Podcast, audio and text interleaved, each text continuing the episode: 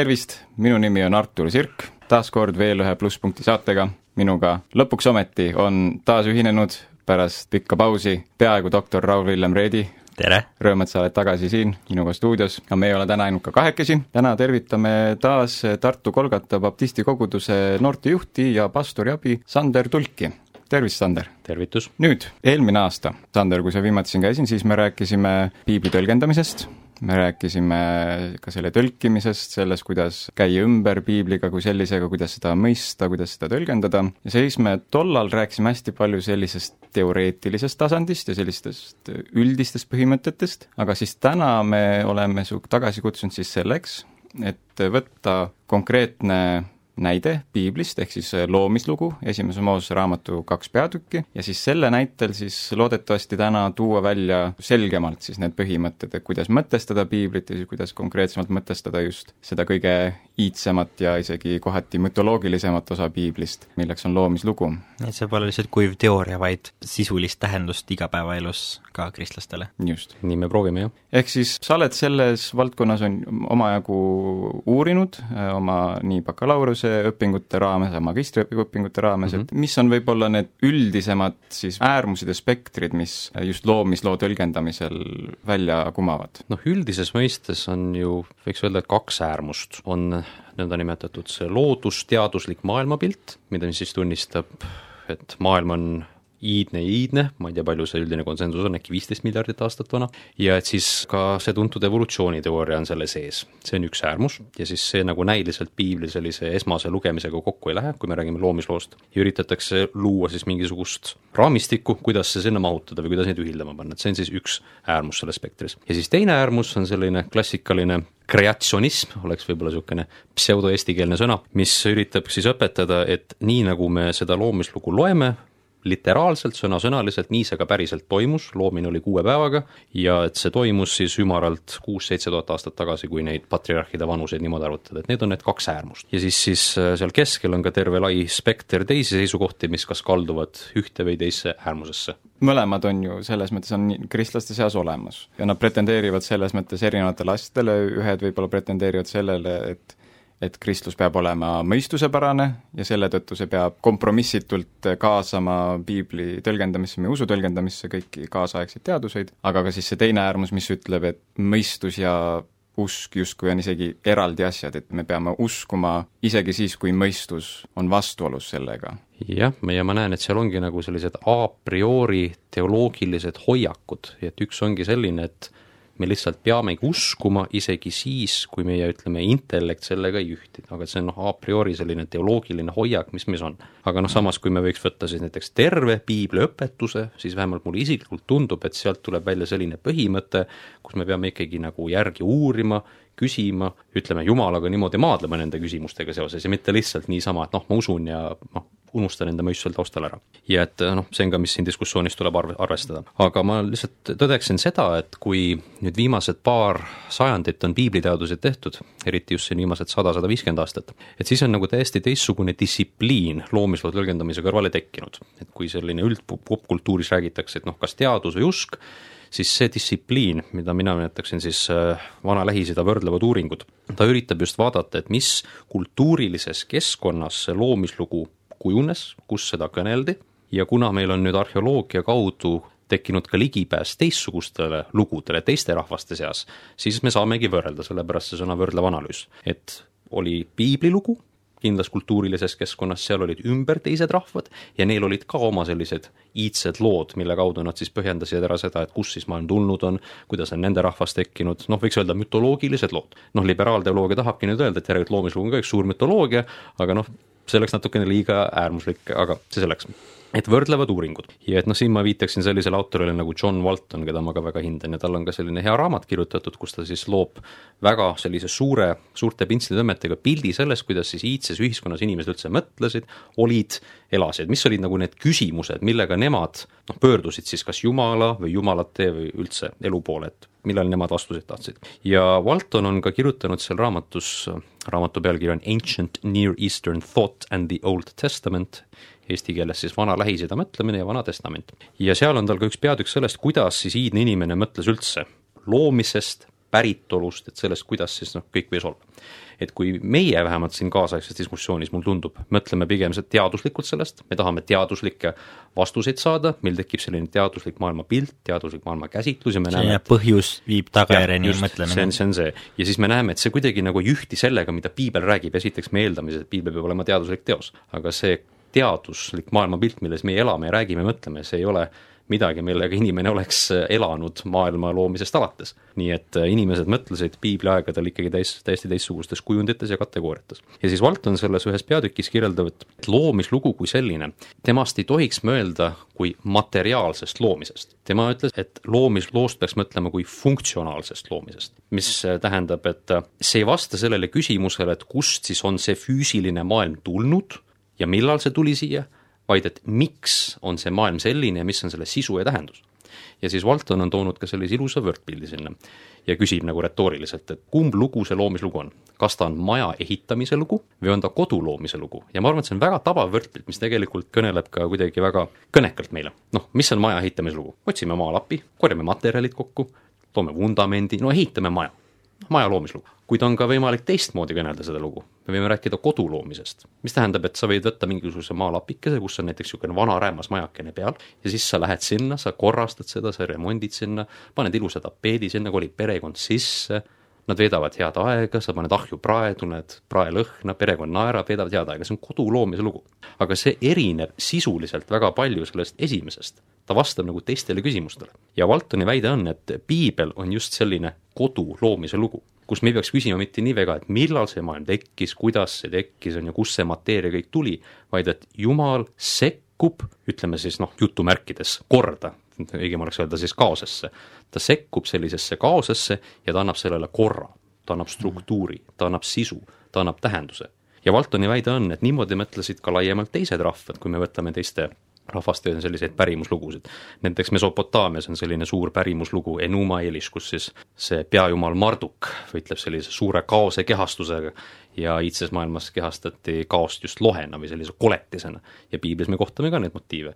ja siis see kaose kehastuse nimi oli Tiamat ja noh, osad piibliteadlased on pakkunud, et isegi piibli loomisloo esimestes salmides me võime kohata seda, et kui on räägitud sügavikust siin esimeses salmis, et jumala vaim hõljus sügavuse peal see heebrea keeles on see sõna tehom ja vähemalt mõned teadlased arvavad, et see võib olla translitereeritud akadikeelsest sõnast diamat, nii et sealt tuleb nagu see kaose motiiv sisse, et jumala vaim on nagu selle segaduse kohal, aga ta annab sellele korra. ja siis on ka näiteks Baal ja Jam Kaananimaa pärimuses, Baal oli ju ka Vanas Testamendis tuntud nimi, keda me aeg-ajalt ikka kohtame, ja siis on sarnane motiiv, Baal, see peajumal, ta võitleb sellise kaose kehastusega, jam heebrea keeles, jam tähendab ka meri ja meri oli ka tuntud kaose sümbol ja ta alistab selle. Ja siis, kui selle alistamise kaudu tekib kord, tekib struktuur. ja ma nüüd ei ürita väita sellega, et piibli lugu on identne sellele mustrile, me näeme nagu sarnasusi, aga samas seal on ka erisusi. sest kui me loeme loomislugu, me ei näe siin tegelikult konflikti. me ei näe, et oleks mingisugune mütoloogiline suur lahing mingisuguse müütilise koletisega, lihtsalt me loeme, et alguses lõi Jumal taeva ja maa ja noh, see, kuidas nüüd täpselt seda tõlkida, see on ka omaette küsimus, aga et ei ole sellist segadust, et Jumal peaks võitlema või kuidagi ohjad haarama. ta on, ta näeb seda kaost, ta tuleb ja ta loob korra, struktuuri ja annab sisu ja tähenduse. ja mina julgeksin väita, et see on see, kuidas me peaksime ka tänapäeval loomisloost -hmm. mõtlema. selles mõttes need lood võivad täitsa sarnased olla, mis läheb vägagi kooskõlla sellega, et on üks õige lugu, piiblilugu mm, -hmm. ja siis teised oma versioonid panid kirja ja siis on mm -hmm. nagu need lähisrahvalood, mis on sarnased piibliloole. aga kus püha vaim siia kõike sisse tuleb, kes me usume, et inspireeris mm -hmm. kirjutajad, kes tõenäoliselt kindlasti mõtles mm -hmm. kõigile tulevatele põlvedele ja kuidas nad seda mõtestada võiksid mm. -hmm. et kui see nõuab nüüd sellist sügavat analüüsi, kas seal võib olla mingisugune konflikt, et kui see nõuab hästi spetsiifilist mõtlemist mm, -hmm. et kas, miks püha vaim paneks loo niimoodi kirja, et see nõuab mingit väga spetsiifiliselt ma arvan, et sa küsisid selle väga hea küsimuse, sellest on ka, kui loed, lugeda erialast kirjandust, me näeme seda pingevälja seal, et ühest küljest on meil see inspiratsioonidoktriin, mis ütleb, et noh, kuidas umbes peaks äh, pühakiri inspireeritud olema, ja teisest küljest me näeme kogu seda teaduslikku pilti siin, kõik see võrdlev usundi lugu, me näeme piibliteksti ennast ja me näeme nagu seal kattuvusi ja me küsime, et mida see siis tähendab, nad ikkagi on oma kultuurilises keskkonnas kirjutatud mm. -hmm. ja vähemalt äh, minu seisukoht on, et kui püha vaim inspireeris kirjutajaid, autoreid, siis ta ei võtnud ära nende agentsust selles suhtes, et ta ei eemaldanud neid nende kultuurilisest keskkonnast, ta ei pannud neile nagu ütleme, mõistes uut tarkvara peale, et mõtleme nüüd nii, nagu kahekümne esimesel sajandil mõeldakse, siis pani kirja lood, ei, nad ikkagi mõtlesid nendes kujundites ja nendes kategooriates, mis nende ühiskonnas saadaval olid. noh, viitan jälle Waltonile, Walton räägib sellist asjast nagu kultuuriline jõgi ehk siis see on see jõgi, kust me võtame nagu neid kujundeid ja neid mustreid, aga noh, igal kultuuril on oma kultuuriline jõgi. ja nüüd selleks, et kui me tahame piiblilugu võimalikult tõepäraselt ja algupäraselt mõista, siis me peaksimegi mõistma seda kultuuri, milles need piiblilood kirja pandi et see on nagu see hermeneutiline printsiip, kontekst, kontekst, kontekst. absoluutselt, jah, mm, just okay.. ja teine, sa mainisid, et Jumal nagu tuli kaosesse ja lõi sinna korra mm, -hmm. kas see kaos siis selle mõtte, mõttes käigus, kas see kaos oli siis enne Jumalat seal olemas juba? kas see kaos mhm. tuli kuskilt muust algest kui Jumal? ja see on täpselt see küsimus, mida meie siis modernsete inimestena küsime, et mis siis oli enne kust see tuli. aga ma ütleksin, et piibli, vähemalt loomislugu, ta ei räägi sellest. me lihtsalt loeme, et nii on. Ja ta ei vasta siin sellele, et kust see tuli või kas see ennem oli. kui väikene ekskurss teha näiteks, siis tekstikriitiliselt annaks seda esimest salmi isegi teistmoodi tõlkida. noh, heebrea keeles see kõlab selliselt, et alguses oli Jumal taeva ja maa, heebrea keeles Bereshit bara Elohim et hashamayim ve et haaretz Bereshit alguses, noh ja siis see algne sõna on reshit, mis tähendab siis kas algust või esmane, siis on pandud sinna liide ette B, mis siis, mida annab erinevalt siis tõlkida. aga nüüd see huvitav on see, et kui me loeme seda vokaliseeritult, teadugi algupäraselt heebreakeelne tekst ei olnud vokaliseeritud, seal olid lihtsalt konsonandid mis tähendab, et sa võisid vokaliseerida sõnu erinevalt, sõltuvalt kontekstist. aga siis neljandal sajandil pandi see masoreetlikule tekstile, see on üks selline tekst, suurim tekstitraditsioon, mis on ka kaasaegsetele piiblitele palju see tõlke aluseks, panid siis need vokaalid peale, noh praktiline põhjus, heebrea keelt ei räägitud nii palju enam, oli vaja säilitada seda traditsiooni. ja millegipärast otsustasid masoreedid vokaliseerida esimese sõna niimoodi, et bet-hääliku all ei ole mitte selline A-häälik, vaid et on E, nii, mida see tähendab? see tähendab seda, et kui seal oleks A-häälik, siis oleks seal sees ka määrav artikkel. näiteks inglise keeles tuleb see parim välja. kõik tõlked hakkavad, algavad minu teada selliselt in the beginning. vokalisatsiooni kohaselt sul määravat artiklit seal ei ole nii et sa peaksid ütlema in beginning, aga grammatiliselt inglise keeles see enam loogiline ei ole. ja siis küsitaksegi, et aga kuidas me seda siis tõlgime. ja siis on arvatud ka, et see esimene salm, ta ei pruugi rääkida absoluutsest alguspunktist, vaid ta võib kirjeldada seda momenti, kus Jumal siseneb sellesse korda või siis noh, jutumärkides korda ja hakkab siis looma et esimene loomistöö ei olnud mitte maa ja taeva loomine, vaid et maa ja taevas selle tõlgenduskohast olid juba mingis vormis olemas ja Jumal tuleb ja annab sellele korrapära. see on üks tõlgenduslik viis uh -huh. tekstikriitikast. krõbedalt saab siis tõlgendada nii, et ahah, et neljandast sajandist alates kirik on valesti tõlkinud piiblit. ma ei ütle, et on valesti. ja ma ütlen nagu see seisukoht põhimõtteliselt nagu krõbedalt sõnastatult. no kui sa niimoodi tahad jah, siis see on väga võimalik, aga see ei ole niimoodi, et see nüüd mõned üksikute teadlaste seisukoht, vaid näiteks viimasel sajandil Jewish Publication Society, vähemalt nemad enda piiblitõlke tõlkisid niimoodi. esimene salm on tõlgitud selliselt. ja see nüüd ei tähenda seda, et maailm oleks olnud igaveses eksistentsis, sest noh, kui me vähemalt võtame noh, loodusteadused, siis nad ikkagi ütlevad, mingi alguspunkt on, aga eeldada, et nüüd loomislugu peab rääkima absoluutsest alguspunktist, minu meelest ei ole päris korrektne, kui see tõlgendus tõele vastab. aga samas, kui me loeme piiblilugu laiemalt, siis me saame ikkagi piisavalt kirjakohti, mis näitavad, et noh, Jumal on ikkagi absoluutselt kõige autor. et mõnes mõttes nagu inimene tohutult tahab teada, kus see algus on, aga Jumal ütleb siis, et äh, see pole oluline. mingis mõttes küll jah, et vähemalt kui me räägime loomisloost, siis siin loos mm -hmm. minu seisukoht on, et see ei ole see põhiteema, kus see mm -hmm. algus on mm. -hmm. mõte on selles, et Jumal annab korrapära, Jumal annab sisu, Jumal annab tähenduse ehk siis see sõna Jumal loob, see sõna siis ei tähenda niivõrd tolles kontekstis midagi, mitte millegist loomist, vaid et ta võtab millegi ja teeb selle, loob ja, selle korra. ehk siis niimoodi, on korra niimoodi, loomine, kuivõrd nagu mateeria ja, loomine. just niimoodi võib ka seda mm -hmm. tõlgendada. ja noh, kui ma näiteks tõlgiksin selle niimoodi mm -hmm. nagu noh, selle tõlgenduse kohaselt esimene salm võiks kõlada selliselt. alguses, kui Jumal taevast ja maad looma hakkas, teine salm, oli maa tühi ja paljas ja pimedus oli sügavuse peal ja Jumala vaim ilmus õljus vete kohal. kui ma niimoodi tõlgiksin, siis ongi nagu teistsugune pilt, ei ole niimoodi, et alguses Jumal loob maa ja taeva ja siis ta hakkab korda looma, vaid et maa ja taevas on juba olemas ja siis ta loob sellele korra. ja huvitav on ka see, et sellisesse käsitlusse mahuks tegelikult ka mina leian see kaasaegne loodusteaduslik maailmapilt siia sisse hmm.. aga noh, see on selline väikene kõrvalmõte. et see siis, see ei vasta küsimusele, kas Jumal lõi selle või lõi keegi teine, et see lihtsalt ei annagi infot selle kohta?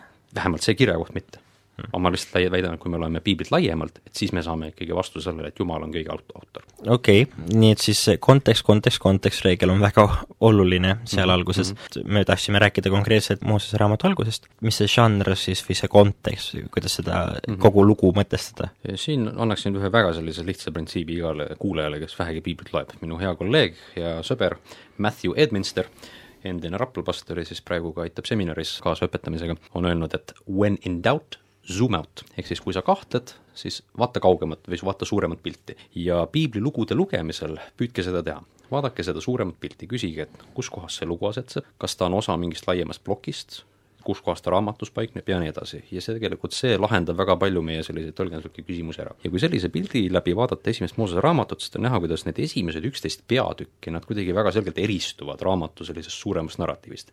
me loeme nagu sellistest iidsetest suurtest asjadest nagu loomine, langus, siis on selline suur ülemaailmne uputus, vahepeal enne seda on selline krüptilised neli salmi, mis räägivad jumala poegadest ja inimeste tütardest ja siis on mingid hiiglased seal räägitud, siis tuleb suur Paabeli torni lugu ja siis pärast seda räägitakse Abrahamist ja kogu lugu nagu lähebki läbi Abrahami edasi. et esimesed mm. üksteist peatükki sellepärast räägitakse, et on selline eelajalooline proloog, ehk siis suur sissejuhatus, ja siis, kui asi läheb Abrahamini, siis nagu lugu hakkab otseselt edasi käima. ja nüüd piibli tõlgenduslikult on siin tegelikult piibliteadlased kukalt kratsimas.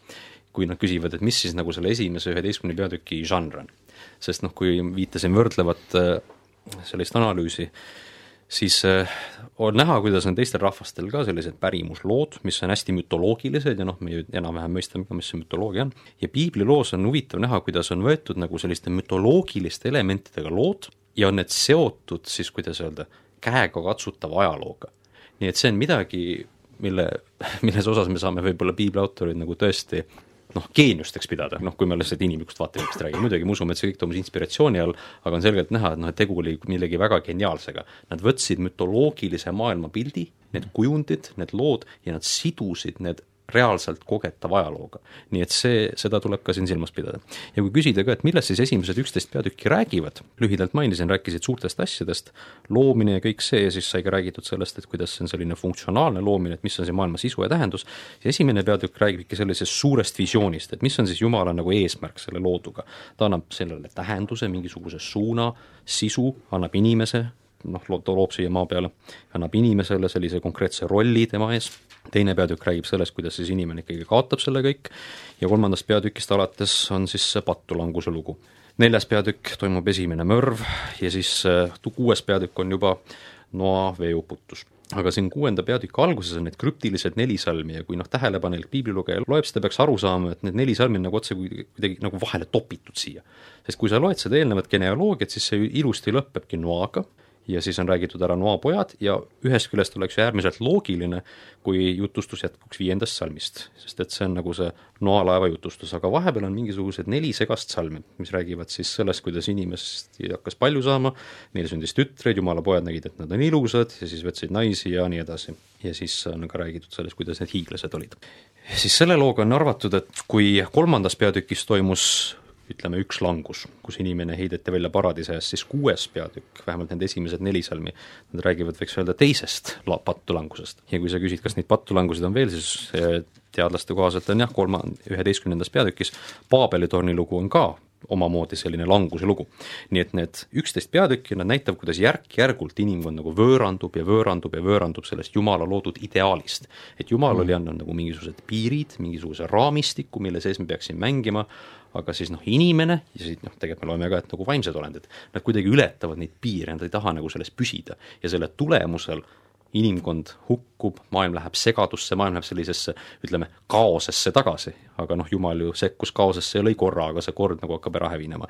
ja sellepärast on see kuuenda peatüki esimesed neli salmi on otsekui selline sissejuhatus, mis põhjendab ära, et miks siis oli see olukord nii kõlvatu, et veeuputus toimus.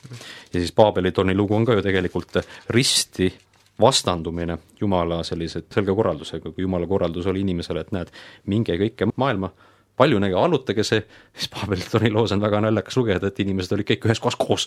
Ja ütlesid, et teeme siia torni, et meid ei hajutataks maailmasse laiali. nii et väga tähelepanelik lugedes me näeme, kuidas on nagu spetsiifiliselt mainitud, et näed, need on need punktid, kus siis inimene võõrandub siis sellisest jumala ideaalist. Ja huvitav ongi näha, kuidas siis äkki kaheteistkümnendast peatükist saab Abraham peategelaseks ja loeme hiljem ka sellest, kuidas Jumal loob lepingu temaga. ja niimoodi me näeme, kuidas siis Jumala selline lunastuslik töö hakkab läbi Abrahami jätkuma, et see, see algne ideaal säiliks. see on väga hea selline raamistik, ma arvan, meile täna sellise mm. praktilisele käsitlusele, kuidas vaadata mm. seda loomislugu, et sissejuhatuse mm. lõpuks sobib väga hästi mm. -hmm. aga ma arvan, et siit koorub see jah, when in doubt, zoom out mm., sellest printsiibist koorub välja see mõte ka, et Vana Testamenti oleks hea lugeda palju peatükke korraga, sest et no, neid asju jah. nagu see sama kas või et et hajuta, minge hajutage ennast maailma ja siis järsku, et aga lähme kõik ühte kohta mm, -hmm. et selliseid asju sa ei märka, kui sa lugesid seda mm, -hmm. lähme hajutage maa ja, ja lähme ühte kohta, et seal vahel on mingi kuus päeva näiteks mm, -hmm. ei mäleta enam, on ju. Mhm. aga kui sa loed kõik üksteist peatükki korraga, siis mäletad, et täpselt nii ongi, jah. et siis selline suurte narratiivide lugemine järjest Vanas Testamendis ja mitte ilmtingimata igasse üksikasja kinni Mhm. kiilumine. lisan siia, et minu, minu selline, ütleme, kõige jumala vallatum mõte jutumärkides on see, et piiblit tuleb lugeda nagu ilukirjandust. loe seda nagu jutustust. eeldame, et autorid ei olnud idioodid, nad ikkagi teadlikult valisid enda sõnu, nad ehitasid seda narratiivi üles ja meie asi on seda lugeda selliselt, et me saame aru sellest narratiivist. no eriti Vana-testamendi mõtlemises on ju see narratiiv on hästi oluline, sest nad ei mm, -hmm. ei lugenud nagu põhjus-tagajärg, vaid mm, -hmm. vaid pigem selline jutustus tõe ümber mm, -hmm. nagu tants tõe ümber, mitte ilmtingimata selle tõe otsa ütlemine nagu Uues Testamendis. jah, ja see hermeneutikas räägitakse ka sellisest noh vähemalt üldises nagu kirjanduslikus struktuuris on kiasm, on selline põhimõte, mis räägib, et kuidas jutustus on nagu visuaalselt üles ehitatud, et noh, kui meie kaasajal loeme lugu, me eeldame, et noh, sissejuhatus, sisu, kokkuvõte. ja eeldus on, et lõpus on nagu see püant, kirjanduses on ka selline peensõna ja kui me loeme teinekord novelle, siis seal on ju ka see hetk, kus nagu seda narratiivi ehitatakse üles ühe punktina, siis nagu mm -hmm. toimub selline järsk kuidagi kulminatsioon. et me ootame, millal see moment tuleb. ja piiblilugudes, teatud lugudes on pandud see keskele, see ongi kiasmi mõte, et ta on mm -hmm. nagu selline püramiid. et äh, algus ja lõpp, nad on nagu kas siis tagurpidi peegelpildis omamoodi ja me peame nagu lugejatena sellest aru saama, et noh, teinekord mingisugused lause struktuurid on sarnased või nagu geograafiliselt on nagu mingisugused sarnased paigad ära nimetatud ja kui me leiame selle mustri, siis me näeme, et ahah, see keskmine mõte, mida meile tahetakse anda, asetseb seal keskel. ma jäin kuulama seal need kolm erinevat nii-öelda langust, mis sa kirjeldasid, mul oli kuidagi selline mõttevälgatus tekkis seal, et seal on sellised kolm erinevat näidet sellest, kuidas inimkond astub üle mingitest piiridest ja siis seal on huvitav, et et on ju kohe seal kõige alguses, kui Jumal, enne kui Jumal hakkab looma seda korda, siis seal oli kaos ja sa on ju ütlesid, et üks nendest kaose sümbolitest oli meri näiteks. aga siis minul ongi huvitav, et näiteks kui rääkida veeuputuse loost, siis Jumala vastus inimkonna korratusele ja sellisele loomuvastasele elamisele oli korratuse kaudu see kord taastada mm. -hmm. mida see täpsemalt mm -hmm. tähendab? et Jumal justkui kasutab korratust tuua korda? ma sõnastaks selle natuke teistmoodi, sest et tegelikult sa juhtisid tähelepanu väga olulist detailile. et ma ei ütleks, et Jumal korratuse kaudu toob korra, vaid et, et noa narratiiv, kui sa loed seda mustrit jällegi, ta sarnaneb loomisloole, tuleb vesi ja veest tuleb uus loodu välja, sest loomine toimus läbi vee, vähemalt kui me loeme ka esimest peatükki. nii et me näeme, et nagu noh, sellised veetormid, need võiksid sümboliseerida siis sellist kaost, segadust, kõik on nagu noh, hävitatud, aga sellest jumal säilitab seda Noa perekonda mm, -hmm. nad on seal laevas, nad tulevad laevast välja ja ta annab ju Noale sisuliselt samasuguse mandaadi, nagu ta andis Aadamale. nii et, et siin on ka näiteks piibli uurijad on seis-, vähemalt mm -hmm. üldiselt ühisel seisukohal, et see on ka selline süsteemne taasloomine, et noh, ühest küljest nagu see poolenisti katki läinud loodu, võiks öelda kuuenda peatüki alguses, see nagu süsteemselt lammutatakse laiali, aga siis sellest nagu luuakse jällegi uus kord ja mhm. ootus on, et näed, visioon oli selline, esimeses peatükis lugesime, see on mhm. säilinud ja nüüd on antud Noale see korraldus. kas me siis loeme, et see uputus päriselt ei juhtunud, et see on selline sümbolistlik loomisele, et see läheb rohkem sinna allegooria äärmusesse? seda ma nüüd ei väitnud mm, -hmm. aga ma väidan, et äh, me peaksime sellest mõtlema pigem selliselt, kui just sellest, et kas, kas see mhm. toimus ja kuidas see toimus. et mul on mm, -hmm. mul ei ole siin selgeid enda jaoks vastused välja mõeldud, mul on arvamusi, aga ma leian ka, et see ei ole nüüd jällegi see, mille kind-, kind-, ümber me peaksime takerduma. Et kas see toimus, kui literaalne see on ja nii edasi, sest et me võime võib-olla sellest sisust jällegi siis mööda panna. mm. -hmm. et Jumal ütleb, et see pole nii oluline meie tahame, et ta ütleks meile nii, nagu me tahame, Jumal ütleb, et ei, nii nagu mina ütlen, nii on parem. ja siin ongi see, et me katsume aru saada, et mis kontekstis on need lood räägitud, mis on see žanr ja mis on see sisu, arvestades konteksti, mida siis lugejale edastatakse. ehk siis Noa veeuputuse lugu on mingil määral esialgne võib-olla versioon ilmutuse raamatust justkui. Mina päris nii kaugele läheks, et noh, ilmutuse raamat minu temaatikad on sarnased selles jah mõttes, et aga noh, see mitte sellepärast, et ilmutuse raamat mm -hmm., see on jällegi omaette saate teema, ilmutuse raamat lihtsalt võtab hästi palju neid kujundeid mm -hmm. Vanast Testamendist ja vanast nagu mütoloogiast ja siis noh, paneb need ühte sellisesse raamistikku ja ühte žanrisse ja annab nagu selle kaudu sisu edasi. aga et noh, päris seda võrdusmärki me ei saa tuua, et nii nagu No on siis täielikku veoputust mitte. kirju-, kirjeldatud mm, -hmm. et, et me peame nagu ilmutuse raamatut ka samamoodi mõistma vastupidi mm, -hmm. et mina nagu seda seisukohta ei julgeks võtta. No no sealt sarnaseid selles mõttes nagu ja aga neid motiive me leiame, et noh, me leiame, näeme mustreid ja me näeme, kuidas tegelikult piibli hilisemates lugudes need mustrid hakkavad korduma. noh, kas või siin Abrahami loos, noh Abraham elab ühtemoodi, loed tema järglastest, no huvitav, huvitav, sarnased asjad korduvad.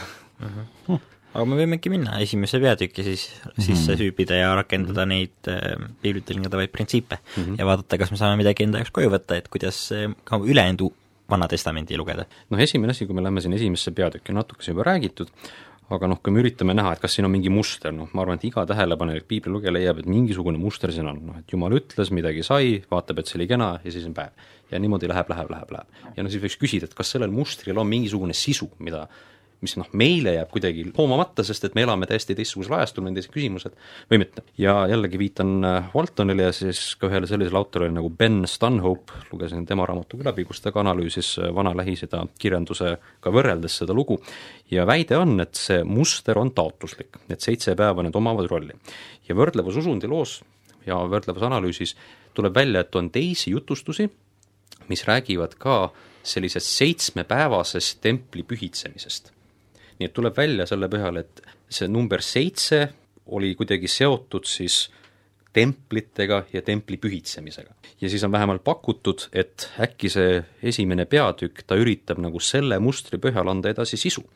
ja kui küsida, et mida see templi pühitsemisrituaalid siis tähendasid, siis need tähendasid seda, et seitse päeva korrastati seda keskkonda, kuhu siis Jumal pidi tulema, noh, polüteistlikus kontekstis võiks öelda ka mitmuses, aga noh, saate aru, korrastati seda keskkonda, andi sellele ilu, korrapära, struktuur, kuue päevaga tehti see valmis ja seitsmendal päeval pidi see jumal või jumalus sinna templisse elama minema, hingama, puhkama, isegi niimoodi on öeldud. ta läks sinna ja ta hingas ja puhkas. ja me loeme loomislugu, kahtlaselt sarnane ta on nagu sellele.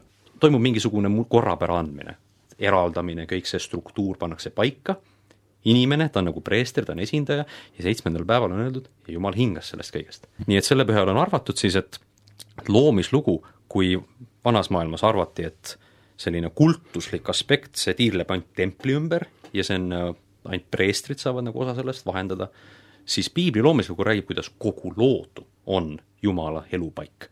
kogu loodu on tema tempel ja inimene on tema preester.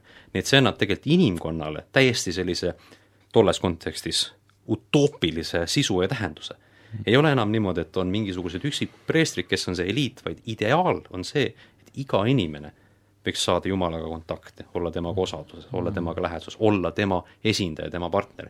ja Jumal ei ole kuskil ühes väikeses templis elamas, kõik see, mida me näeme, mida me kogeme, kus me elame, see ongi Jumala elupaik, Jumal lõi selle maailma selleks, et olla siin inimesega koos partnerlussuhtes, elada ja valitseda siin ja siis kõik need mõtted, mis tulevad välja, näiteks teine korintlaste viis viisteist, et meie elame nüüd mitte endale, vaid elame Jumalale ja, ja meil pole nagu oma tahet vaid me võiksime oma, meie tahe võiks olla Jumala tahe, kõik need mõtted, need pole uued, need tegelikult on sealt algusest samast saati. just, just, just. ja sa näedki nagu selliste tekstide näitel, kuidas Uues Testamendis ta võtab sedasama ideed ja ta näitab, kuidas Kristuse kaudu Jumal nagu teeb selle kõik teoks. see pole uus, see on, see on täide läinud. jah, täpselt mm. -hmm. ehk siis see kontrast siis nende nii-öelda ütleme, paganlike mütoloogiate ja, ja siis Vana-testamendi loomisloo vahel on siis see, et kui paganlikes mütoloogiates inimesed olid need, kes oma kätega lõid mingisuguse kodu Jumalale, siis kristlikus loomisloos Jumal on see, kes loob selle templi ühest küljest jah, et looks lihtsalt väikse täpsustuse, et ma ei ole nüüd selles vanas mütoloogias ekspert ja ma ei mm. oska nüüd peast öelda, kas seal on konkreetselt lugu, kus inimesed loovad Jumala elu, elupaiga, aga vähemalt mm -hmm. see teine pool on selgelt nagu eristatav mm. -hmm. ja siis noh, teistes nendes mütoloogiates, mul meenub näiteks Atrahaasise eepos, ka Mesopotaamias, et nad nagu kirjeldavad inimese rolli Jumala või Jumalat eeskätt teistmoodi, et ei ole sellises ütleme, ülivõrdes, nii nagu on piibli loomisloos, vaid kui ma ei eksi, siis see oli Atrahaasise eepos, et seal oligi põhjendatud, kuidas inimene loodi selleks, et nad Jumalate vajadusi rahuldaksid ja vajaduses rahuldad ohvritega. et kangesti tahaks, et keegi mulle ohvrit tooks, no pole kedagi, ei, ei viitsi seal jumala panteonis ka nagu seda delegeerida, no loome inimese. et inimene teeb, noh, kui natuke satiiriliselt seda kirjeldada mm. -hmm. ja siis me loeme piibli loomislugu, seal ei ole kirjeldatud seda vajadust, et jumal tahaks nii väga ohvreid saada. ta ongi, et jumal nagu lihtsalt enda meelevallast, ütleme kristliku teoloogia valguses ütleme, et lihtsalt armastusest loob ja annab inimesele sisu ja tähenduse. jällegi täiesti mm. teistsugune visioon selles, et kuidas siis elu elada, kuidas elu hoomata ja kuidas seda maailma ümberringi näha. see on täiesti kõrvalpõige, aga et päris noh, et meil on siin kristlikus kultuuris natuke pingeväli, et kas Vana Testamenti üldse peaks lugema, kas see tänapäevasele kristlasele midagi tähendab, praegu selle räägitava valguses oleks, kui nimetada Vana Testament ja Uus Testament hoopis Esimene Testament ja täideviidud testament, siis inimesed mm. hakkas kohe teise, noh minu arust väga palju seda Vana Testamendi debatti kaoks ära, sest inimesed hakkaski yeah. otsima, et et need mõtted, mis me saame Uuest Testamendist, need peavad olema vanast pärit ja need on siin täide viidud, et kas ma näen neid ka Vanas Testamendis, et see, see on päris lahe, vahva mõtlemine. Ja Vana Testament muutub palju elavamaks. absoluutselt mm., niimoodi ongi. minu isiklik arvamus on see, et mida rohkem me mõistame enda Vana Testamenti, seda rohkem me saame aru ka, kui hiilgav ja suur on tegelikult evangeelium. Ja noh, sest me... evangeeliumi sisu tegelikult tulebki ju noh, Vanast Testamendist alates. Me näeme, kuidas erinevate verstapostide kaudu see kuidagi läheb täide ja kuidas siis mhm. Jeesus need asjad, mis ütleme, esimese Moose raamatu üheteistkümnes peatükis, mis siis need kolm langust, kuidas Jeesus oma evangeeliumi kuulutamisega või oma ohvri surmaga süsteemselt need ümber keerab ja kõik see läheb lõpuks täide ilmutuse raamatus, kus siis tulebki Jumala loodu või ütleme -hmm. Jumala linn tuleb taevast maa peale Mm -hmm. ja see on asi, millest võiks lõputult rääkima jääda, sest et noh, see on jällegi minu selline naiivne kriitika, aga noh, ma näen paljusid inimesi, kes ütlevad, ma tahaks siit ära saada, siis ma mõtlen, no kus sa lähed, et ühel hetkel see taevas on ju tühi, see tuleb ju maa peal tagasi. et see mõte ei ole mitte selles, et Jumal loob selle maailma, et see ära hävitada, vaid et seda maailma taas luuakse, taastatakse, see ongi Jumala plaan, kehtib siin selle maailmaga. ilmutuse raamatus me näeme, kuidas see taasloomine leiab aset, Jumala riik tuleb lõpuks maa peale. Paulus ütleb sellesama mõtte tugevdamiseks, et pa-, Paulus ütleb, et võtke mind eeskujuks, nagu mina võtan Kristust, et kui me peaks Paulust eeskujuks võtma üldse kõiki suuri usumehi ja naisi Uues Testamendis, siis nad kõik mõtlesid, nende pühakiri oli kõik Vana Testament. et kui mm -hmm. Timoteusele öeldakse, et kõik pühakiri on hea, et teha, on ju, kõiki neid asju, mis sa nimetad mm, -hmm. see on Vana Testament. teise Timoteuse kolm kuusteist, kogu pühakiri on Jumala sisendatud, kasulik õpetamiseks mm, -hmm. noomiseks, kasvatamiseks õiguses ja nii edasi, ja Paulus räägib seda Vana Testamendi kohta, sest see oli tolles momendis nende pühakiri. Need seitse päeva, Jumal loob mingi eri asja igal päeval, mingil päeval loob, on ju, taimed, mingil päeval puud, mingil hetkel eraldab mered maast, mingil hetkel loomad, nii edasi, mis see sümboolika seal on? ma näen seal, et, et see justkui läheb nagu väiksemast suuremaks, siis alustad nagu väiksetest nagu taimedest, siis lähed suuremate nagu loomadeni, kuni lõpuks jõuab inimeseni välja, et seal on mingi justkui hierarhia, mida see konkreetselt siis sümboliseerib, kas ongi, mõte ongi see, et kogu loodu valmistataksegi valmis inimesele ja sellepärast inimene loodaksegi viimasena, sest tema jaoks on kõik see ette valmistatud, et tema selle üle valitseks, mida me sealt sellest konkreetselt välja loeme? paar mõtet, noh, et noh, minu isiklik seisukoht on ikka see, et me peaksime mõtlema sellest kui funktsionaalsest loomisloost, mis mm -hmm. tähendab, et Jumal annab sisu ja tähenduse. kui vaadata seda päevade mustrit, siis seda ma mainisin juba, et ta ühtib templi pühitusriitustega, nagu siin Valton mainis, ja kui me nüüd vaatame konkreetselt neid loomisakte erinevatel päevadel, mis muster siit välja tuleb, siis vähemalt see minu jaoks tuleb välja, et esimesed kolm päeva pannakse nagu mingid suured kategooriad paika ja järgmised kolm päeva lähevad selleks, et need kategooriad mm -hmm. ilusti ära täita. nii et see ühtib mm ka natuke selle templi pühitsusmotiiviga, kus siis nagu korrastatakse see paik. ja kui nüüd proovida luua, ütleme, visuaalne pilt sellest, mida siis Jumal loob, selline kosmoloogiline pilt, noh siis see tuleb jällegi väga-väga huvitav, et noh, et külje pealt vaatest võiks öelda, et on nagu sellised kolm kihti, et on maapind, füüsiline maa, siis on all selline sügavik või meri või ürgne meri või kaos, noh hiljem Vana-testamendi loost saame lugeda surmavallast, noh seda arvati ka, et see on maa sees kuskil sügaval, ja siis on taevas ja siis seda katab selline laotus, ehk siis kuppel on nagu pea kohal ja igal pool ümber on vesi. see oli selline iidse inimese kosmoloogiline pilt ja lähen jällegi siia algusesse tagasi, et loomisloo mõte ongi, et see kõik, mida luuakse, see, mida nähakse, see on Jumala elupaik. see on Jumala tempel, et Jumal loob omale elupaiga, ta annab korra ja ta tahab elada koos inimesega. et mina usun, et see on see, kuidas me peaksime loomislugu lugema ja mõtestama. ja siis ka võib-olla see viimane asi siin, et kui siin on räägitud Jumala hingamisest, ma arvan, et see kõneleb ka midagi väga erakordset sellest visioonist, mis siis no, ja ootusest, mis Jumalal inimesele. kui näiteks tuua võrdlusaluseks Atrahaasi see eepos, kus siis inimene oligi selleks, et teha, et ta peab tööd tegema, ta peab ohvreid tooma, jumalad ei viitsi tööd teha, no paneme inimese tööd tegema, et meie saaksime puhata. aga siin on öeldud, et Jumal puhkab ja see idee, võiks öelda, printsiip tuleb välja ka selline, et inimene otsekui puhkab koos Jumalaga. muidugi see ei tähenda, et me võiksime lihtsalt pikutada ja olla, sest et noh, on ainult antud käsk, et minge ja valitsege. kuna inimene peaks olema partnerlussuhtes koos Jumalaga, siis noh, see printsiip tuleb siit ikkagi välja, et inimene on koos Jumalaga otsekui sellises hingamises. et ei ole niimoodi, et Jumal lihtsalt delegeerib kõik ära ja vaid et Jumal ja inimene on partnerlussuhtes, nad koos tegutsevad, nad koos valitsevad ja mu meelest see on midagi väga-väga erakordset, mis nagu piibliloos välja tuleb. et Jumal ei ole lihtsalt niisama selline kuri delegeerija, vaid ta ongi Uues Testamendis ka armastav isa. okei okay,, see on väga põnev ja väga lahe vaadata niimoodi laia pilti, kas midagi on veel esimesest peatükist, mis sa tahaksid mm -hmm. eraldi veel välja tuua? jah, et siin on palju ägedat, aga vähemalt mis mind kõnetab veel, on see, et, et kuidas on öeldud, et inimene on loodud Jumala näo järgi. noh, ma arvan, et mida see uut umbes on, me ju koguduses kuuleme seda juttu söögi alla, söögi peale, et inimene on jumala näoline ja et elu on väärtuslik selle kaudu, jah, ja see kõik on õige hea, aga kui me arvestame seda ajaloolist konteksti, milles see väide öeldud on, ta saab kohe palju suurema raskuskesena. sest kujutame ette, ta on öeldud patriarhaalses kontekstis, mis tähendab, et mees oli kõige tähtsam.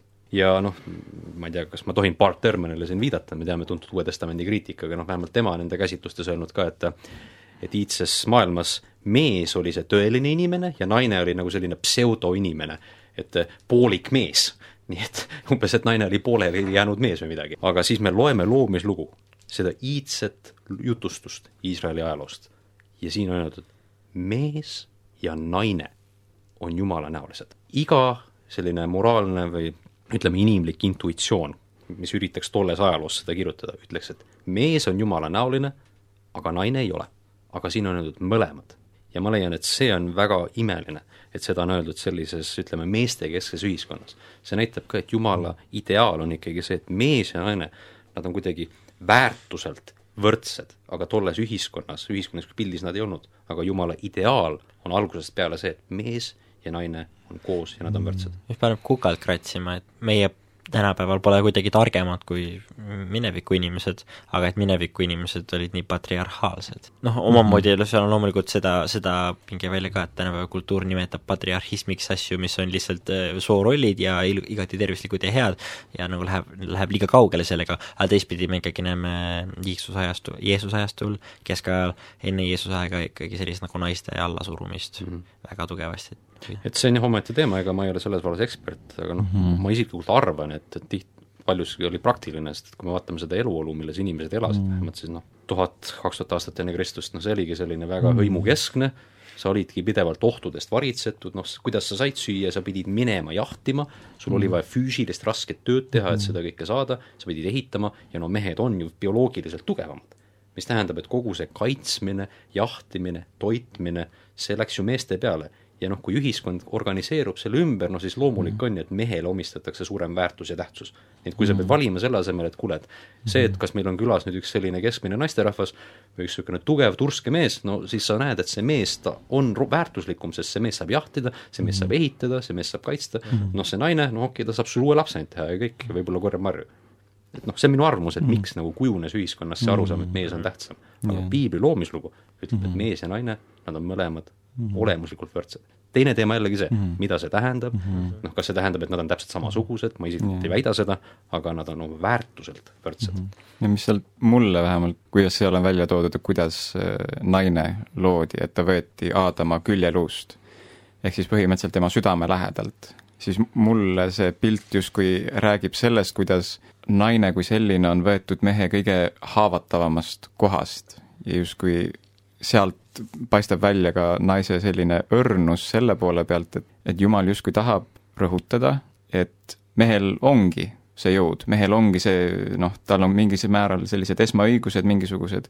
suuremad privileegid, aga me peame jälgima, et me ei kasutaks ära neid nõrkuseid, mis teatud isikute loomusega kaasa tulevad, isegi nende sünnikeskkonnaga kaasa tulevad, no jumal ka räägib väga selgelt, et me vaeseid ära ei kasutaks, põduraid, vanu, haigeid, et see pidevalt on välja toodud, et looduses ongi selline loomulik ebavõrdsus see läheb väga hästi kokku sellesama langemisega ja järjest Jumalast kaugemale minemisega, Jumal ütleb, inimesed on võrdsed, äh, või noh, mõlemad on Jumalanäolised, on ju, aga need äh, omadused pole ühtlaselt jaotatud, no pole, on ju, sul pole mees võrdub naine tüüpi Mhm. asi, on ju, ja siis inimene mõtleb, et aa, ma tahan ise väärtushinnanguid anda maailmale, ise olla Jumal, siis ta vaatab, ahah, mehe omadused tunduvad ilmselgemad, seega ta on väärtuslikum.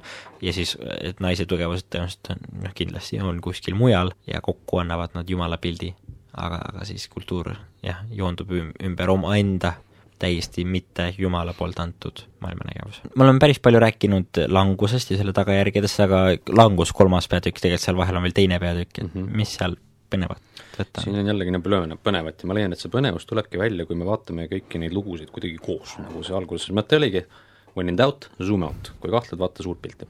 ja esimene peatükk, ta andis sellise suure pildi sellest, kuidas siis võiks asjad olla, mis on siis, Jumal paneb korra, Jumal loob korra pärast struktuuri, tähenduse, sisu, loob maailma, et siin elada, siin hingata ja valitseda koos inimesega, ja siis võiks öelda, et teises peatükis me juba hakkame nagu neid detaile nägema, et kuidas siis see inimese valitsus väljendub. ja üks aspekt ongi selles, kuidas siis Aadam nimetab erinevaid olendeid, et see on nüüd vähemalt piibliuurijate kohaselt üks moment, kus siis võib inimene, võiks öelda, ta osutab valitsust loodu üle, mis näitab, et näed, Jumal andis mingisuguse mandaadi, korralduse ja nüüd teises peatükis me juba saame lugeda, kuidas inimene täidab seda rolli, nii et so far, so good. siis vahemärkuseks ka see naise loomise hetk, et ta on ka kuidagi hästi natukene koomiline siin, aga ta on ühest küljest ilus, et kui sa enne mainisid, et ta võeti küljeluusse, siis noh, ma ei taha seda ilusat tõlgendust nüüd ära hävitada, aga tegelikult siin ei ole luudest midagi räägitud.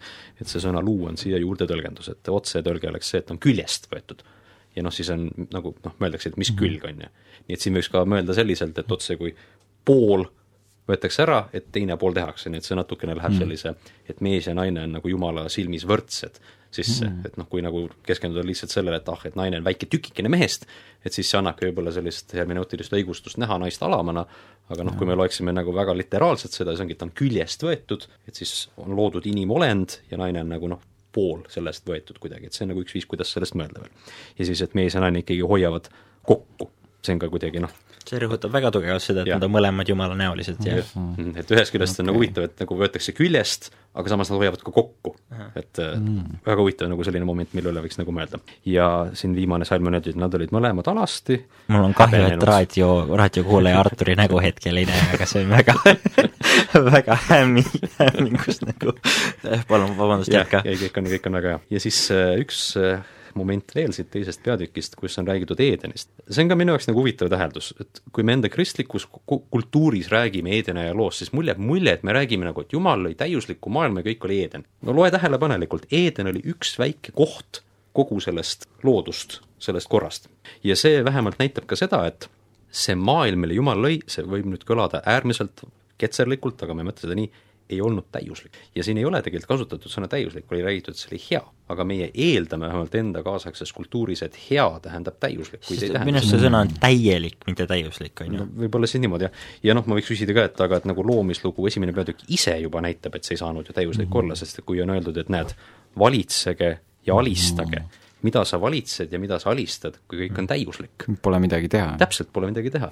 nii et vähemalt see pilt, mis siit jääb, selliselt, et Jumal annab nagu korra, struktuuri, ta paneb sinna väikese keskuse, Eden, inimene on seal tema esindaja, ja nüüd sealt, ütleme kontrollkeskusest, kui kasutada sellist sõna, peaks siis nagu Jumala õiglane valitsus koos inimesega laienema igale poole.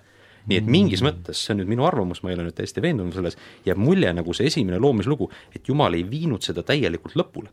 Ta jättis nagu otsad lahti, et inimesega koos see asi lõpuni viia. ja me loeme nüüd ülejäänud piiblist, kuidas see protsess välja näeb. ilmutuse raamatus me näemegi, kuidas see lõpuks täide viiakse. ehk siis see mõte on, et Jumal teadlikult teebki sellise väikse Edeni aia ja sellega ta tahab inimesele öelda, et nüüd tehke kogu maailmast selline. Jah, just, tehke kogu et- maailmast Eeden ja et kogu maailm oleks kand- Eeden. kand-, kandke see muster nüüd Jah, edasi just nagu nagu Juuda on üks riik maailmas ja levige ja näidake Jumala pilti. Nüüd kõikidel teistel riikidel ja kristlased on üks väike jäänuk inimkonna seas ja nüüd näidake Jeesust jah, kõigile. just, mina leian, et see on niimoodi. ja see tuleb siin teisest peatükist see on vahva, juudid, juudid ütlevad shalom, et noh, rahu. Mm, Mhm. -hmm. see on selline hea soovitus või tere, on ju. et eh, sh- shalom, ta on nagu terviklik, et nagu mm, -hmm. nagu müür ja Jah, kõik tellised on seal sees, on ju, et kõik on nii, nagu see peab. Mm. -hmm. Et siis see, see, Täius, see süm-, see sümbol on Jah. nagu päris tugevalt minu arust siin see, et kõik on nii, nagu ta peab mm. Mhm, -hmm. et see on rahu ja see on see, kus me ja seda me me ju inimestena ka tahame, me tahame tegelikult sellist täius, rahu, tasakaal. aga noh, shalom, kõik on paigas siis, kui on asjad nii, nagu Jumal on määranud, aga siis, kui inimene hakkas ise ümber Jah. liigutama tükikesi, siis läks kõik ja siis lappama läheb. kaasa, siis asjad lagunevad ära. kas teises peatükis on veel midagi, mis paneks Arturi näo nii hämm- hämmingus olema tõesti nagu taasavastaks piiblit praegu, jaa. Kas veel midagi, mis, mis nii toredalt äh, hämmingusse Arturi paneks? ma arvan, et kui me jõuame kolmandasse peatükki ja räägime pattulangusest, siis seal on palju selliseid väga vägevaid momente. aga anna ka tuld, anname tuld. huvitav on lihtsalt see, et need tuntud lood, mulle tundub, et kui me teame neid nii hästi, jutumärkides teame, et siis me nagu ei loe neid nii pingsalt enam, aga noh, kolmas peatükk on selline, mida me kuuleme pühapäevakoolis ja jutlustes viidetena ja niimoodi ja siis meil tekib nagu pilt sellest ja siis me nagu noh, enda piibli lugemises lähme silmadega üle. aga siin tähelepanelikult lugedes on jällegi väga-väga palju põnevat sees. esiteks see esimene salm, aga madu oli kavalam kõigist loomadest välja, kelle issand Jumal oli teinud ja nii edasi.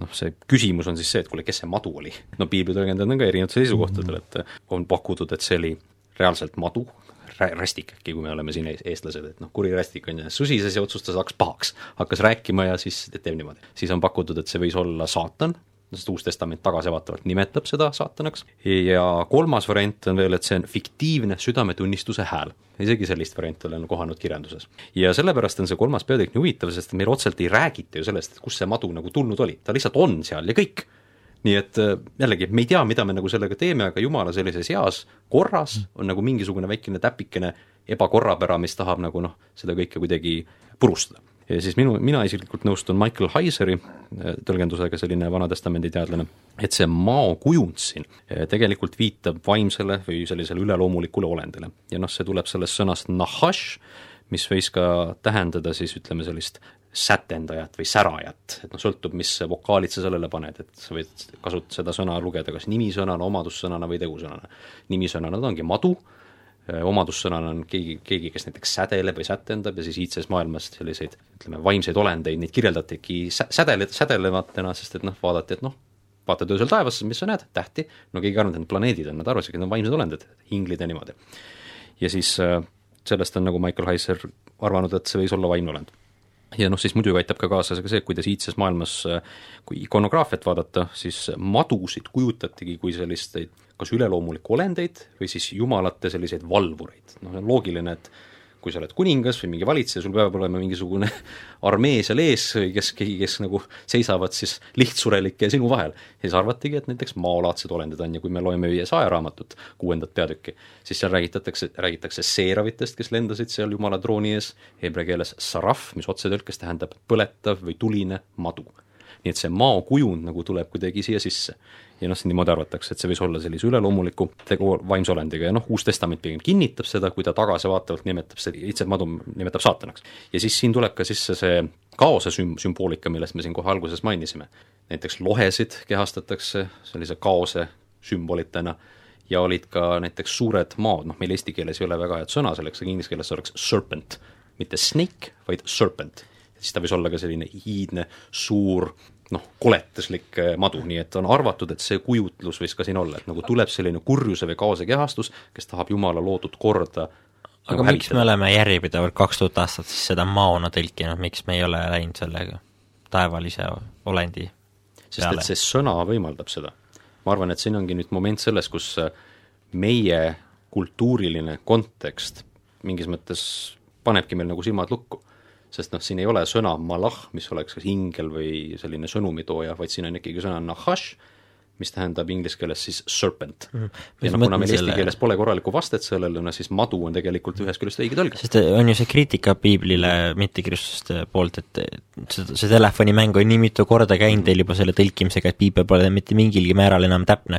et noh, selle peale me saame öelda, et noh, me kogu aeg viitame algtekstidele on ju aga põhimõtteliselt seesama seesama kriitika saaks siia kehtida, et te olete seda tõlgendanud läbi oma kultuuri, nii et see algne mõte on teil ammu juba kuhugi ära kadunud. et te räägite rääkivatest äh, madudest, ta ei saa olemas olla enam-vähem, kui tegelikult mõeldi taevalisi olendeid, on ju. kuidas sa sellisele kriitikale no, vastaks? vastus on ju see, et see, et mingi aeg on tõlgendus natukene häguseks läinud, ei tähenda, et see oleks kategooriliselt kadunud. noh, kas või see praegu, eeldusel, et see on õige tõlgendus, me ju oleme ju praegu selle noh, kätte saanud. See ei ole midagi nagu sellist, kus mingi piiblitõuste ääres. see on väga selline levinud seisukoht, kui ikkagi olla teaduslikus maailmas ja mm lugeda aga samas ühtegi, ühtegi tõlkese see saanud ei ole ja, ja tõlgivad ju ka ikkagi teadlased. no seda küll, aga noh, neid tõlke tuleb pidevalt juurde ja see maailm ju ka pidevalt muutub, sest et noh, et me aina rohkem neid tekste leiame mm, -hmm. rohkem tuleb publikatsioone kas sa siis torgid, praegu Eesti Piibliselts tõlgib ka, tahab kaks tuhat kolmkümmend üheksaks või, saada uue piiblitõlke valmis? kuskil, kuskil sinna jah, kas siis torgid neid, et nad ei paneks madu sisse? no ma ei tea paremat sõna lihtsalt. Kui te oskate soovitada, siis te võite öelda. müütiline olend või, või taevaline olend. ei kõla nii tabavalt. noh, ja siis on jällegi noh, me võime no, väikse ekskursi teha sellesse tõlkesse, et noh, see sõna nahash otsetõlkes ei ole taevane olend, ta on ikkagi Aha. madu või selline Mm -hmm. aga lihtsalt kujundi poolest on taevane olend, kui me vaatame seda kontekstis mm. võib-olla peab sinna jah, selle tärnikese alla panema lihtsalt, mis seletab. ma pigem, ma arvan, et niimoodi võiks olla. okei okay., jah, vabandust mm, -hmm. võib edasi minna.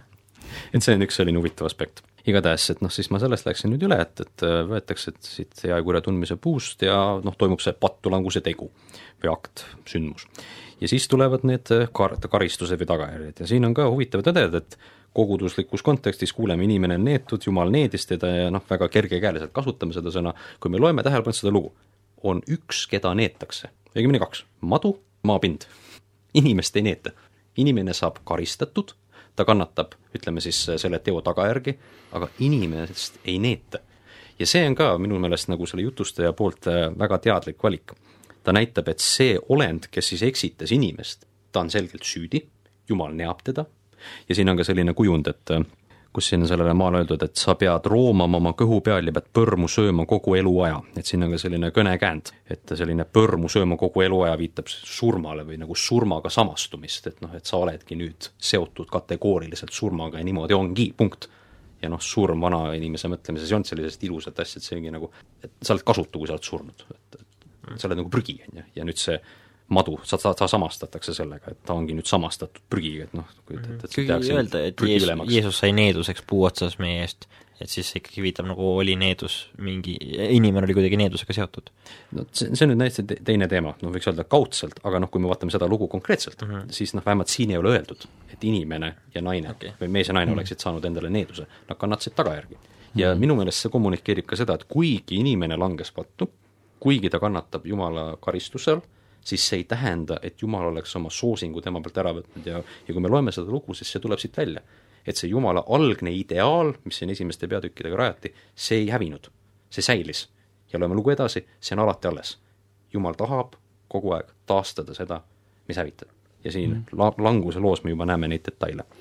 ja nüüd mm. siis on ilmselt ka see küsimus, et mida see, mis nende puudega siin peale hakata, et kuidas siis on niimoodi, et inimene heideti paradiisi eest välja ja siis on äh, Jumal öelnud seal salmis kakskümmend kaks, issand Jumal ütles, vaata, inimene on saanud nagu üheks meie hulgast, tundes head ja kurja, aga nüüd, et ta oma kätt ei sirutaks ega võtaks ka elupuust ega sööks ega elaks igavesti. siis saatis issand Jumal tema Eedeni rohte eest välja, et ta hariks maad, millest ta oli võetud. ja see moment siin salmis kakskümmend kaks, et ta ei elaks igavesti, see on ju seotud siin elu, elupuuga, mis näitab ka seda, et inimese selline surematus vähemalt loo kohaselt oli tinglik tinglik, et sa oled eedenaias ja saad elupuust osa. siin on ka nüüd see teoloogiline küsimus, et, et mida see tähendab, et inimene on surelik. noh, see kõige üldisem seisukoht vist on see, et ta tegi pattu ja siis nagu midagi nagu olemuslikult muutus tema bioloogias, et ta läks nagu surelikuks. noh, et see on üks seisukoht, mis on võib-olla kõige üldisem aga vähemalt mina isiklikult, kui ma loen seda piibliteksti, siis ma näen, et inimese surelikkus tuli sellest, et ta ei saanud elupuust osa enam. nii et tema surematus juba enne pattu langust oli tinglik ja see läheb ka natukene sinna diskussiooni, et kas enne pattulangus surma mingis vormis oli. ja noh, see on juba väga poleemiline, sest et noh, selline fundamentalistlik seisukoht ütleb, et kategooriliselt ei, surm tuli patu kaudu ja nii edasi, noh siis me peaksime küsima, et kas bioloogiline surm võrdub see surm, millest räägitakse Uues Testamendis. noh, ma vaidleksin isiklikult sellele vastu. noh, ma võiks küsida sellise naljaka küsimuse, et enne pattu Aadam on oma seal Eedeni aias ja nopib õunu ja niidab muru ja elab oma ilusat elu ja kujutame ette, tuleb üks elevant, kukub talle peale. mis tast alles jääb, kas ta sureb ära või mitte? bioloogiliselt, noh ma, ma pigem arvan, et bioloogiliselt ikkagi, ikkagi sureks ära, sest väike crash on jah, just et see nagu näitab seda, et surmast meil teistmoodi, kui lugeda ka mm -hmm. vähemalt erinevate kultuuride käsitlusi surmast, siis tuleb välja, et inimesed on läbi aegade mõelnud erinevalt surmast. lihtsalt nii on. kuna meie elame teaduslikus maailmapildis, siis meie jaoks surm võrdub bioloogiline elu lakkamine, punkt. aga on kultuure, kus surm tähendab seda, et sina, sinu isik unustatakse ära. et ma võin olla füüsiliselt surnud, aga kui inimesed meenutavad mind, siis ma nagu ühest küljest ei ole surnud, ma olen nagu mingis vormis olemas aga nii, kui minu nimi ära unustatakse, nimi ära pühitakse, ära hävitatakse, siis ma olen täielikult surnud, siis ma olen kadunud. näiteks ma ei ütle, et piibel nüüd räägib niimoodi, aga see näitab seda, et on kultuure, mis mõtlevad surmast teistmoodi.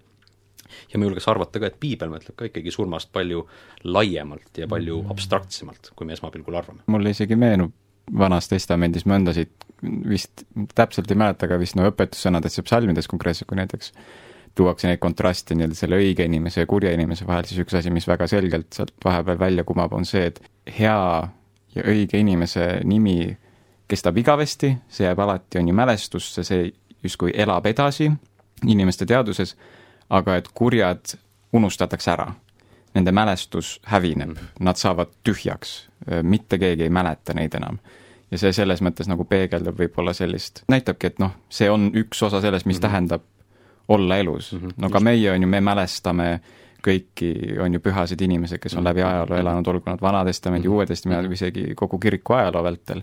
kõik sellised pühad inimesed elavad edasi kiriku mälestuses ja hea põhjusega mm. -hmm. mitte meile nagu hoiatuseks, vaid, vaid just meie nagu julgustuseks. ja see on see elu, mis neil väga reaalsel viisil on isegi võib-olla siin maa peal endiselt alles mm. -hmm ja noh, ma mõtlen nagu vahemärkusena psühholoogiliselt me ju tegelikult mõtleme täpselt samamoodi. noh, kui inimene on täiesti depressioonis, tal ei ole nagu mingisugust sisu ega tähendust elul, me nagu ütleme, et kuule, ta on nagu surnud juba või et me mõtleme mm. niimoodi, et või ta ütleb ka, et mul nagu ei ole elu. see on sama idee, noh, ta on bioloogiliselt siin, sa saad teda katsuda, ta vaatab sulle otsa, ta vastab sulle, kui sa räägid, no ta on elus. aga samas ta ei ole ka. ja siis on mingid inimesed, kes on nagu ütleme, elu täis mm. jällegi, ta vaatab sulle otsa, sa räägid temaga ja sa näed, et ta on elus, ta on elavam kui elus. Ja mulle tundub ka, et noh, see on ju see elu, mida meie tahame, me ei taha olla lihtsalt bioloogiliselt aktiivsed, me tahame ikkagi sisu, me tahame tähendust. ja ma räägin, et piibel tegelikult tegeleb selle küsimusega mm., sisu, tähendus kõik see. põgusalt mainiksin ära need keerubid, kuna Artur neid mainis, et noh, siin on ka see küsimus, et mida nad siin tähendavad. ja noh, ega mul ei ole siin täielikult selget vastust nüüd, mida need keerubid siin peaksid sümboliseerima, aga vähemalt piiblit mujalt lugedes need keerubid ikkagi tulevad mängu ja seal ta pigem nagu kinnitab seda loomisloo templi motiivi, sest keerubite mõte oli kaitsta Jumala trooni noh, Jumala asupaika, olla nagu valvur seal ees. kui me loeme Hesekieli raamatu nägemust, siis seal on ju ka räägitud, kuidas esimeses peatükis tulid need neli keerubit ja siis nemad kandsid et nagu Jumal oli seal auhiilguses nende peal, et nemad nagu kandsid ja siis vana Lähis-Ida kujundite kohaselt keerubid olidki sellised, kas siis troonivalvurid või siis troonivedajad, need, kes seisid seal ees ja pigem see näitab ka seda, et Eeden oli selline püha templipaik ja nüüd keerubid pandi sinna ette, et inimene niisama ei saaks sinna sisse tulla. pani nagu katte ette ja siis, kui lugeda ka seadust, Moosese seadust ja sealset templikorraldust ja kultust, siis seal on ju ka, keerubid on seaduse laeka peal, seal kõige pühamas paigas. nii et nagu see muster kordub ja kui me loeme kirjeldusi sellest kõige pühamast paigast ja seaduse laegas ja kõik need lambijalad, see on kahtlaselt sarnane Edenile nagu liiga kahtlaselt. ongi, et seaduse laigas pidavat siis sümboliseerima seda hea ja kurja tundmise puud ja siis see lambijalg pidi sümboliseerima elupuud. siis seal on ka keerubid, kes siis on nagu eedenaide kaitsmise niimoodi, ja siis sinna ei saa niisama sisse minna. sul peab see preester minema kord aastas sinna kõige pühamasse paika, mis sümboliseerib ka seda, et inimese ja Jumala vahel on nagu mingisugune lõhe ikkagi tulnud, sa ei saa niisama minna Jumala lähedusse. nii et need punktid kuidagi tulevad väga-väga mm -hmm. tabavalt mis, kokku. mis haakub väga hästi evangeeliumiga mm. -hmm. võime siin pikalt rääkida sellest seadusest ja need puutepunktid seal, aga et noh, see kõik lõpuks kuidagi täitub evangeeliumis Uues Testamendis. ja see on minu jaoks nagu see kõige-kõige põnevam ja ilusam Vana Testamendi lugemisel. me näeme, kuidas need lahtised otsad jõuavad kuidagi Jeesusesse ja Jeesus viib need kõik täide. noh, Jeesus ütles ka, et ma ei ole tulnud seadust tühistama, vaid täitma, ma tulin isegi täide viima. et see, mis oli poolik, Jeesus nüüd annab sellele täieliku sisu ja see visioon, mis Jumalal oli esimestes peatükkides loomisloos, et Jeesuse kaudu see kõik täidetakse. ja siin on ka jällegi väga äge on vaadata, kui laiahaardeline on inimese lunastustöö, kui ta nagu paneb enda lootuse Kristusesse. koguduses räägime jälle, pattude andestus, pattude andestus, kõik õige ja hea, ma ei vaidle sellele vastu, aga mulle tundub, et see jääb nii kitsaks, et noh, kas tõesti lunastus on see, et minu patud ja halleluuja, on ju. et see tehakse nagu selliseks väga individuaalseks, et mul on südametunnistus nii valus ma vajan andestust ja ma saan selle kõik. muidugi Jumal pakub seda, aga Jumala lunastus on palju laiem kui lihtsalt see, mis meie südametunnistusega muutub. noh, et Paulus räägib ka, et me oleme nüüd Jumala elupaik ja Jumala tempel ja noh, siis koguduse kirjad kuidagi räägivad ka väga tugevalt sellest, kuidas me peaksime suhtestuma teiste inimestega, kuidas kogudus on nüüd nendest uus püha paik, me oleme õed ja vennad, me oleme Jumala perekond, mis on ka teoloogiliselt täislaetud termin, mis me, me, meie oleme selle nii kergekäeliselt üle võtnud ja siis me loeme, kuidas ilmutuse raamatus lõpuks see ideaalne visioon täitub. Jumala riik tuleb taevas siis lõpuks maa peale, nii nagu kus algselt oli planeeritud. jumala plaan viiakse täide ja see on minu meelest nagu see piibli suur sõnum. jumalal on plaan ja me loeme lõpus, see plaan läheb täide. Ja see kõik tänu Jeesusele. nii palju küsimusi on ikka veel õhus ja nii palju tahaks veel arutada ja küsida, aga meie aeg on juba otsakorral ja lõhki saamas, kindlasti tahame jätkata kunagi neid teemasid, nii palju asju, millest me järjejutt iga-aastane jah, jah, nii palju, millest me üle läksime ja mööda läksime ja kindlasti kunagi tulevikus see on vestlus, mida jätkata. omalt poolt tänan sind, Sander, et tulid seda teemat kõike avama. aitäh kutsumast! ja loodame ka teie, kuulajad, saite sellest omajagu head mõtteainet, kohtume teiega taas juba advendi ajal. plusspunkt